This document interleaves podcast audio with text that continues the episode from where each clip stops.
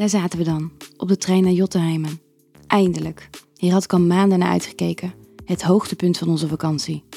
Inge en ik waren al jaren beste vriendinnen en elk jaar maakten we samen een trektocht van enkele weken in het buitenland. Dit jaar hadden we Noorwegen uitgekozen. Het was nog vroeg op het jaar en het zou best koud kunnen worden. Maar we waren goed voorbereid en we waren ervaren trekkers. We hadden een mooie route uitgestippeld waarbij we zowel de fjorden als het binnenland zouden verkennen. We hadden een klein tentje mee, maar we waren van plan om van blokhut naar blokhut te trekken. We hadden deze vakantie al twee korte wandelingen gemaakt om in de sfeer te komen, maar Jotunheimen zou een pittige meerdaagse trektocht worden door de bergen. En waarschijnlijk ook het hoogtepunt van onze reis. We stapten uit de trein en heesten vol goede moed onze zware rugzak op de rug. We keken elkaar even aan en schoten beiden in de lach. We konden niet wachten om onze tocht aan te vangen. We begonnen aan de wandeling. Het plan was om ongeveer 8 uur te wandelen tot aan de eerste berghut. Het was nog vroeg in de ochtend, dus we hadden tijd genoeg om voor het donker de berghut te bereiken. We liepen goed door en de eerste kilometers verliepen vlot. Het uitzicht op de besneeuwde bergtoppen was adembenemend. We klommen steeds hoger het gebergte in en de temperatuur daalde gevoelig. Ik trok mijn kap over mijn hoofd om me te beschermen tegen de gure wind die ondertussen opstak. Ook Inge had een muts opgezet en handschoenen aangetrokken. Een glimlachje van haar kant bevestigde wat ik ook voelde. We laten ons niet tegenhouden door een beetje koude wind. We hielden de pas er goed in om ons warm te houden. Een uurtje later was de temperatuur gezakt tot enkele graden onder het vriespunt en begon ik meer en meer uit te kijken naar onze avond in de blokhut bij het warme houtvuur.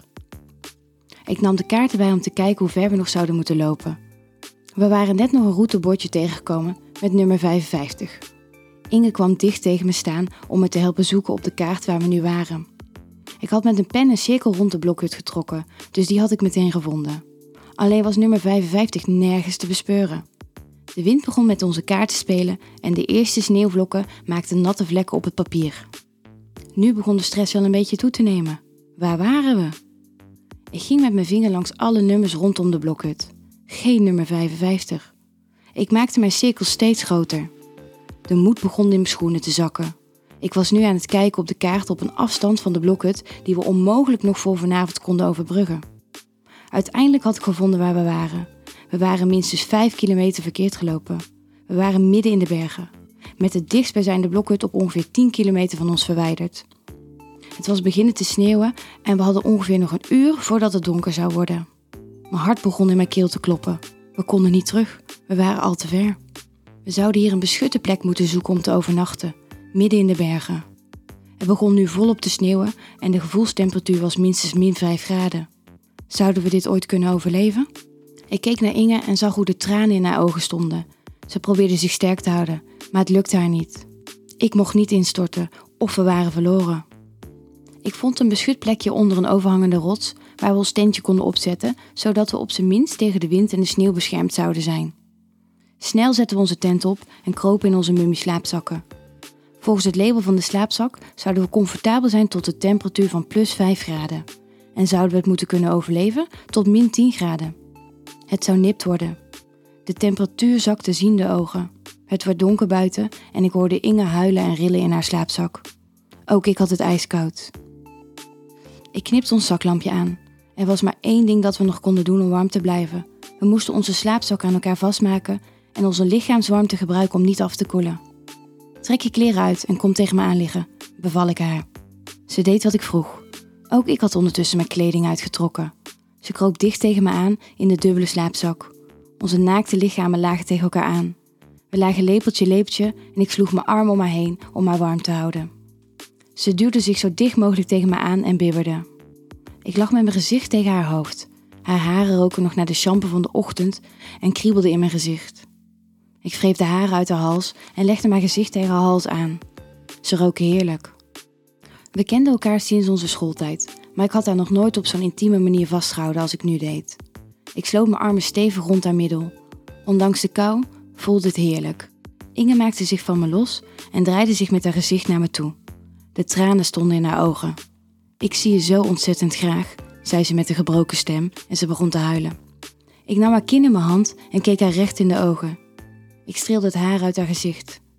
Waarom had ik nooit eerder beseft hoeveel ze voor mij betekende? Ik nam haar hoofd tussen mijn handen en bracht mijn lippen op de haren. Ik kuste haar eerst voorzichtig. Ik voelde hoe haar tranen over mijn wang rolden. Ze duwde zich tegen me aan en beantwoordde mijn kus met een passie die ik nog nooit eerder ervaren had. Ze streelde mijn gezicht terwijl ik voorzichtig met mijn tong haar lippen lichtjes opende. Ik wreef over haar lippen met het puntje van mijn tong. Ze bracht haar mond nog steviger op de mijne en groef met haar handen door mijn losse haren. Zij en ik, voor ons gevoel waren we de enige levende wezens op deze planeet. Zouden we hier ooit nog levend uitkomen? Geen idee, maar dat we van elkaar hielden was duidelijk. Overduidelijk.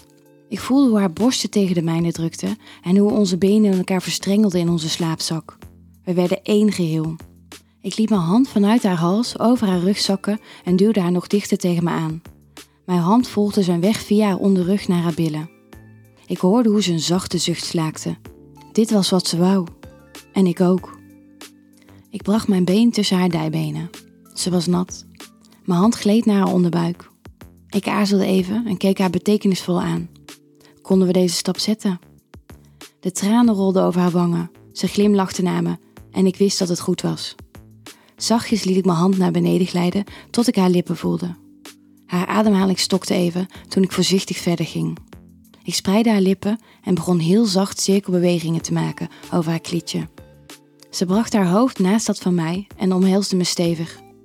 Ik hoorde hoe haar ademhaling zwaarder werd naarmate ik haar verder bracht. Ik wreef over haar natte opening, maar ging nog niet naar binnen. Ze kromde haar lichaam naar me toe. Ze wilde me.